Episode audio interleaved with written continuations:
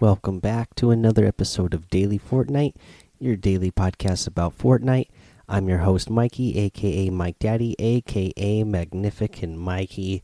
You know, we're going to talk about the event that happened in Fortnite today Team Mech versus Team Monster. If you have not watched it yet, there are plenty of videos out there on YouTube and Twitch. So, before you listen to this episode, make sure you watch the event because I am going to spoil it. Starting now. Wow, this event was so much fun, you guys. So I was at work, unfortunately. So I didn't really get to be in game myself and watch it from my character's perspective, but I watched some streams and uh, got a couple different angles on it. And then, of course, when I got home, watched it on YouTube uh, with my son. And saw even more angles, and man, this this was a really fun event. It was really good, really exciting to watch. It really was like watching a a little, you know, action movie. So, here's what happened. That monster arises up out of the ocean on the north side of the map, comes out, destroys one of those pirate camps, blasts some green energy blast, uh, over the map. It didn't look like that really destroyed anything. But then the the mech woke up and was like, "Hey, what's going on here?" He gets up. the The monster goes over to Loot Lake.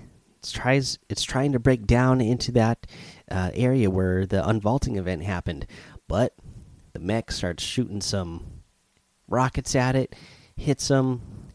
Monster gears up again, does that like you know green blast thing, kind of like a Godzilla blast, hits the mech. Mech goes flying off. Mech gets back up, runs at him, using some boosters, and tackles him into the ocean. Finally, we get the mech coming back out. He's looking victorious, just we're thinking, man, this guy was good. He took care of him, no problem. The monster comes jumping out out of the ocean behind him, lands on his back, and starts just like hitting them and chomping them up. Luckily, the mech is able to throw him off. Unfortunately, in that little scrum, the monster is able to rip off the arm of the mech. But, you know, the mech goes down, but he's not out. He lands over in Loot Lake. He punches down into where the unvaulting event happens, pulls out this glowing orb, and then he gets this like great energy out of it. He decks that monster in the face. The monster goes down.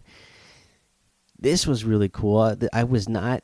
This was a total surprise. I was not expecting this at all. But then the mech goes over to Neo Tilted. That statue that's over there in Neo Tilted. The mech goes over there and picks it up, it pulls it out. It ends up being a sword.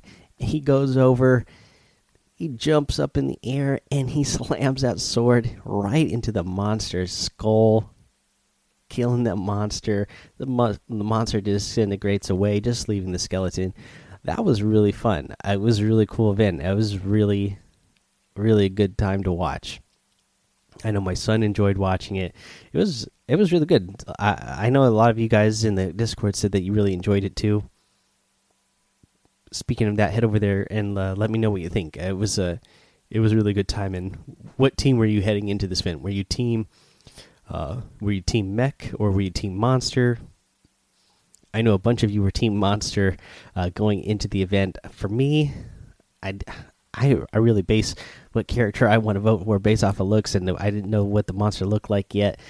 Uh, so I was going for the Team Mech just based off of that. But I'll tell you what, that monster did look really cool. I was surprised. I couldn't believe how scary that monster looked. It was it, it, I wasn't. That's not what I was expecting. I don't know what I was expecting really.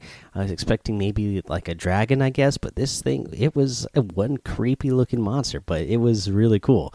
Um, yeah, it was just you know one big huge eye, looked really buff. It was scary looking. It was cool.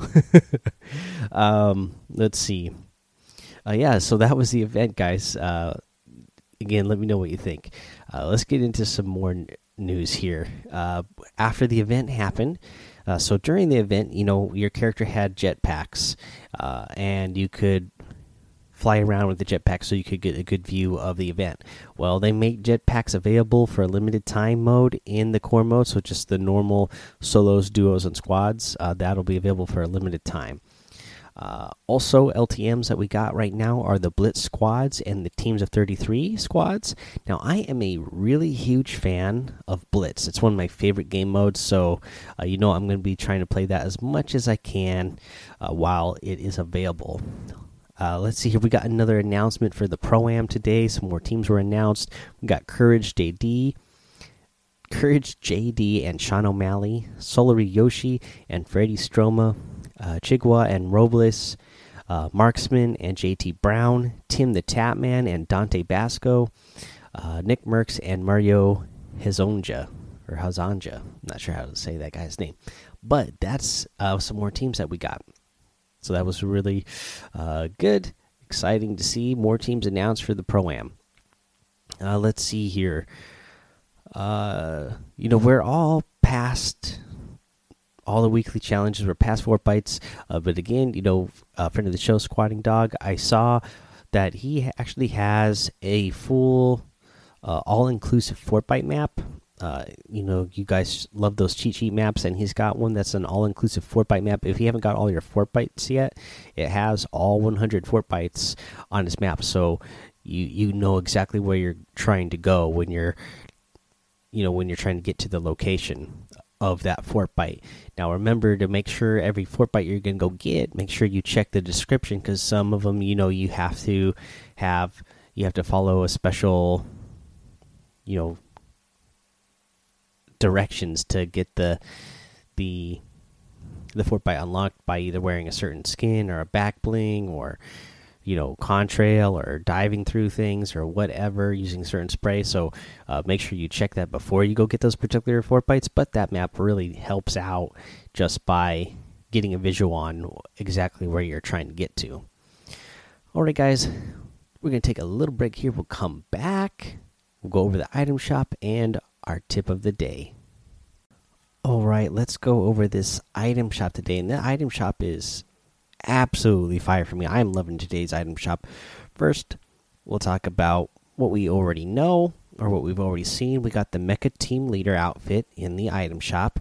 You know, that's the winner, so probably be a good one to get.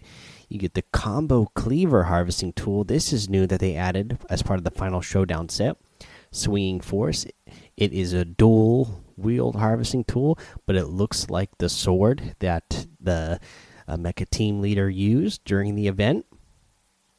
You have the mecha team wrap, and we got the new no sweat emote with one hand tied behind your back. So you're doing the floss, but with one hand, just like the mecha team leader did at the end of the event. Pretty cool emote for sure. Uh, let's see here. Uh, then we got some new items. I'm a big fan of these new items. This is the Tech set. This one is Copper Wasp outfit, Karate Master known for his vicious sting. And then comes with the striped stalker back bling, ready to pounce. Now, obviously, this guy is called the Copper Wasp, so he's supposed to look like a wasp you know his mask i guess is something like you would see out of a marvel movie with uh, you know ant-man and the wasp. Uh, this back bling i really like this tiger back bling holding some nunchucks in the mouth there. Pretty cool. I actually really like this this outfit a lot. But the one i like even more is the Tsuki outfit. Unpredictable and unforgiving. Comes with the tana back bling on the edge. Absolutely absolutely love this. Obviously, she is a mech. and uh, you know she's got this katana back bling. Uh, she's just, you know, the, I guess her clothing would remind you of something that uh, from like Sailor Moon or something, I, I guess. But anyways, I'm a big anime fan, so the fact that they have like this anime girl in Fortnite and she's a robot anime girl, like, oh, it's awesome. I, I can't pass up on this one. I'm definitely getting this one. I absolutely love it. Let's see here. Let's go over the other items. We got the Rapscallion outfit in here, the True Heart emote, the Whiplash outfit, the Daydream emote, the Dream Feet emote, and a new wrap as well, the Stinger wrap. I really like this one. It uh, goes with the uh, the Karatech set, and it's like uh, gold and I guess that's like kind of like a purplish gold chameleon type paint style color uh, that that matches that copper wasp outfit if you guys are going to get any items in the item shop today, I'd really appreciate it if you use that creator code Mike Daddy M M M I K E D A D D Y in the item shop, as it does help support the show. Now, the the tip I'm about to give to you, I actually saw this on YouTube. Uh, it was Gronky that was uh, showing uh, how to do this, and I I did not know you could do this, and it is an absolutely awesome move and it is a way to use the launch pad in silence. And after you use the launch pad, it's going to be hidden. So, two huge things. One, you're using the launch pad in silence, so people don't know that you just used the launch pad necessarily. They might see you flying up in the air, but they might not, you know, if they just hear, if they don't hear the launch pad, they might not know to look up in the air. And then uh, the second thing is, after you do this trick, your launch pad is still hidden, uh, so they might not know exactly where you launch from or where to find the launch pad that you just launched, so that will give you a little bit of extra time to escape a situation. Or just not allow somebody else to take advantage of your launch pad. That's especially good in the in late game situations where you want to get out ahead of everybody else and do some gatekeeping. Uh, so you use that launch pad, and then you don't want your enemies to use it uh, behind you. But here's how you do the trick. So what you're going to do is you're going to build a floor, and then a box around you with no roof. So don't build a roof. You're just going to build four walls around you. And then you're going to build the launch pad on the floor. And then you are going to build a pyramid over it. So now, you know, you're inside of a box that has no roof, and then your pyramid is over the launch pad. So you're standing on top of the pyramid, and then you go over to one of the corners, edit the corner, and then when you confirm the edit, the launch pad acts as if you just jumped on it and it sends you flying up in the air. But the the the edit sound makes more sound than the the launchpad sound, so nobody hears the launchpad sound. Uh, you know that normally like that bounce sound that it makes when you bounce on it.